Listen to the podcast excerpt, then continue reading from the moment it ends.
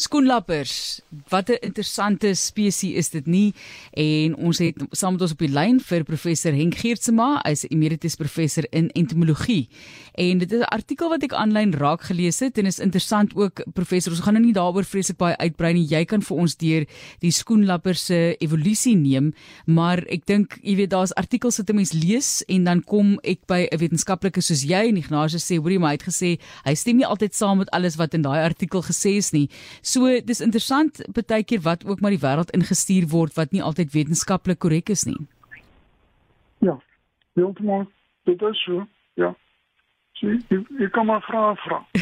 Goed professor, kom ons gesels oor skoenlappers. Hoe divers is hierdie spesies? Uh, kyk, skoenlappers is 'n groep. Dis nie spesies nie, maar hulle bestaan uit ongeveer 20000 soorte wat oor die hele wêreld versprei is en die grootste konsentrasies in Asië, Afrika en Suid-Amerika. Ja. So wyd versprei nou, oor die wêreld. Ja, ja. Behalwe natuurlik in die koue streke want hulle is baie gevoelig vir uh koue uh nat weerstoestande kyk hulle gedui die beste in tropiese areas so sentraal sentraal Asië, Afrika en Suid-Amerika. Ja. Ja. Weet ons waarvan die eerste skoenlappers aangeteken is en gevind is? Ja, die ding is kyk, uh die probleem is is is ehm um, die eerste skoenlapper uh wat ons nou bekend uh, die oudste en kom ons stel dit so is uh 50 miljoen jaar gelede in Denemarke gevind.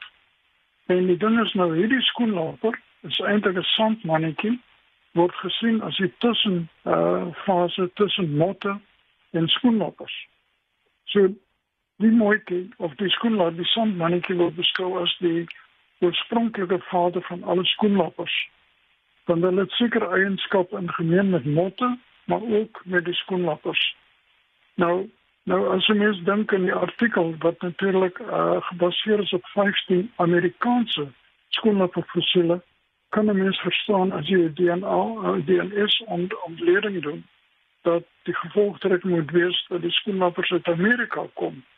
Maar die probleem met uh, skoenlapper fossiele is dat hulle uh, die meeste is, is eintlik afdrukke. Met ander woorde daar's geen biologiese materiaal waaruit 'n mens DNS kan onttrek nie. So om dan te beweer dat die skoenlappers uit Amerika kom, is 'n bietjie ver gesoek. Maar dit is dan typisch ook van die berichten op Google en zo aan. Dat uh, dit dikwijls een beetje misleidend is. En de mensen bij het verkeerde pad plaatsen. Hoe oud is Schoenlappers? Um, die ding is, kijk, die oudste schoenlapper wat ons heeft, is 30 miljoen jaar geleden. Die fossiel, van die fossiel af. En dan kan natuurlijk fossielen wees wat ouder is, als die wat reeds gevonden is. Maar die probleem met skoenlappers en motte se ehm um, fossiele is hulle fossiliseer baie moeilik omdat hulle is delikate insekte. Ek meen daar's baie insekte soos klewers en so aan wat uh, eh, 100 miljoen jaar gelede uh, gevind is. So maar in die geval van skoenlappers is dit te delikate strukture. Maar dit is natuurlik baie interessant. Ja. Nee, gaan voor professor, reg? Dit is 'n baie interessante geval onlangs ehm uh, het daar twee Chinese poskaarte verskyn met duidelike uh skoenlapper en 'n motfossiel. En die ding is dit my aandag getrek, maar ook van my kollegas in Europa. Want in eerste plek die skoenlapper wat afgebeeld is as 'n fossiel syne van China, is eintlik 'n Suid-Amerikaanse skoenlapper. Sure. En daai skoenlapper is maar uh, onlangs ontdek. So dis baie eienaardig dat die skoenlapper met volledige kleurpatroon met die voelers alles daarop as 'n perfekte fossiel uh, afgebeeld is.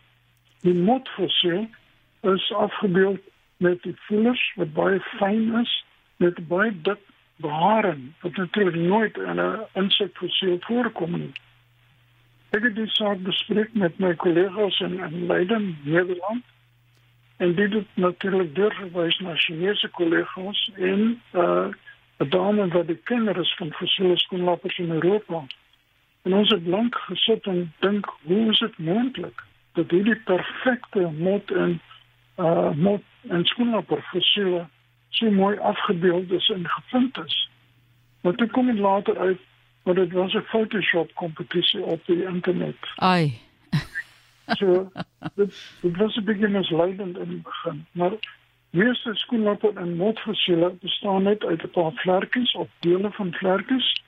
Maar dan kan 'n mens deur te kyk na die aardstruktuur op die vlekkies van watter familie hulle behoort. Nou byvoorbeeld uh, in Japan en in Italië is daar voorbeelde van swaalster skoenlappers gevind. Met ander woorde, dis reeds al 'n redelike groot verspreiding van Italië na Japan van 'n skoenlapper soort wat ons kan identifiseer as swaalsterte. Ehm um, in Noord-Amerika het hulle fossiel gevind van Doritos. Nou die genus bestaan uh die fossiel is 30 miljoen jaar oud, maar die genus Doritos bestaan nog steeds in Suid-Amerika as 'n huidige of resente groep. So die ontwikkeling van die skoenlappers is redelik die, die geskiedenis is redelik lank. Ehm um, en ons ons kan terugkom na die uh, syfer van 50 miljoen. Maar natuurlik die ontwikkeling van skoenlappers gaan saam met die ontwikkeling van bloemplante. Van bloemplante is uh, plante wat in die dag bloem wat kleure het om die bestuivers aan te lok. En natuurlik vir die skoenlappers is dit 'n ideale bron van uh, nektar maar dan ook natuurlik die blaarmateriaal vir hulle ruspers. Maar die motte was al lankal weer voor die skoenlappers daar. En die mense moet besef dat motte byvoorbeeld het deur 'n hele reeks uh evolusionêre aanpassings gegaan.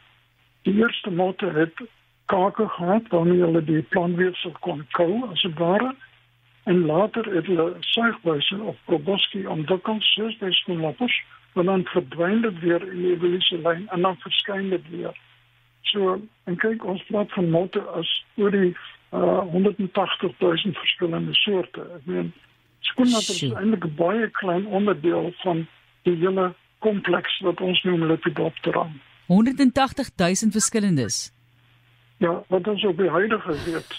Maar ek het byvoorbeeld my eie versameling uit klommotte wat nog nooit geïdentifiseer is nie, wat beskryf moet word en dit word beraam dat ongeveer 20000 nuwe skoenlappers en motsoorte per jaar word beskryf.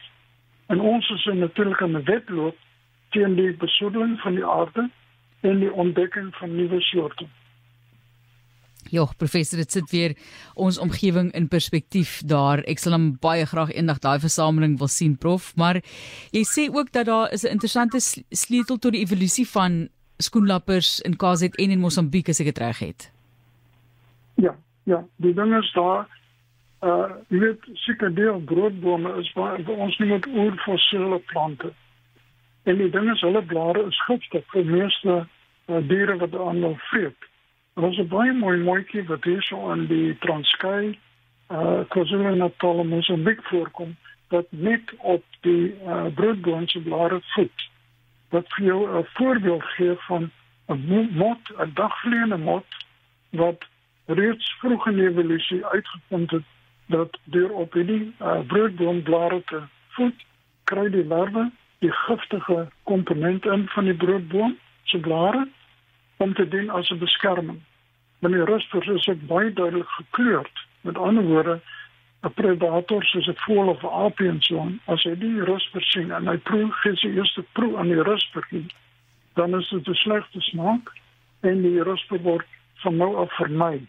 En dan is natuurlik baie ander ruspers wat dan die giftige rusper naboots vir beskerming. So en dit is dan deel van die evolusie van skoenlappers. Wat 'n fascinerende wêreld is dit nie. Ons gesels vandag met professor Henk Geertsma, emeritus professor in entomologie, spesifiek dan oor die evolusie van skoenlappers. Professor, dit voel vir my eintlik asof ons vir jou moet vra of ons volgende week verder kan gesels want daar is soveel aspekte nog oor hulle 'n kamuflasie, die nabootsing, die geslagsdismorfisme wat wat ons oor moet gesels en dit gaan vir ons dink ek nog 'n ekstra 10 minute minimum wees om dit te kan ja, bespreek. So as ons dit kan laat oorstaan dink ek daardie gedeelte dan gaan ons om in diepte bespreek volgende keer want dit is interessant om te kyk na hierdie ou soos jy sê delikate liggaampies en hoe hulle ook dan nou verskil byvoorbeeld van motte en hoe moeilik dit was om van hulle te vind in fossiele omdat hulle so moeilik fossileer. Ek hoop ek het nou die regte omskrywing daar gebied. Maar professor, as dit ja. reg is, dan gesels ons op 'n latere stadium dan meer in diepte oor die skoenlappers se jy weet gedrag in die nabootsing soos jy ook gesê het ek ons kyk na die chemiese beskerming jy het bietjie daarin geraak natuurlik ook die vals kop gedeelte en verwarring dit is so 'n ryk gesprekspunt ek dink ons moet definitief dit bespreek dan volgende week indien moontlik Ignatius is daar so ek kyk hom in die oë ek gaan hom vra verder met professor Teriel indien moontlik Nee, maar almaak so. Baie dankie professor. Baie dankie. Ek wil dit nie ek wil nie 'n afgewaterde gesprek daarvan lewer nie die die flitskleure, die migrasie. Jogg, dit is 'n baie baie interessante wêreld, die misleiding ook van die wonderlike wêreld van skoenlappers wat ons so 'n stukkie van nou verken het en die evolusie daarvan. Professor Henk Geertsma gaan dan volgende week indien dit vir hom pas dieselfde tyd vir ons meer deur die skoenlappers se liggaam en funksionering ook neem. Wees daarvoor ingeskakel. Maar hoe interessant is dit nie? En daardie in agneming van die mot as jy oor die skoenlapper wil gesels. Baie baie interessant en weer eens ek het in die begin genoem dit was 'n artikel wat ek raak geloop het en daar is so baie wat gesê word baie keer in ons wêreld soos daardie kompetisie om 'n foto aan te pas wat hy sê op die ou end totale misleiding gegee het in hierdie onderwerp. So sy skeptisisme oor die trant van 'n artikel en die belang daarvan om dit te bevraagteken. Dit is vir my baie belangrik. Ons sê vir hom dankie vir daai voorbereiding maar volgende week gaan ons dit ordentlik dek. Ek gaan ek vir my platform gee om vir jou alles te vertel van die wonderlike wêreld van skoenlappers. Vandag oor die evolusie en hoe oud hulle is. Volgende week kyk ons meer in diepte na die skoenlapper self.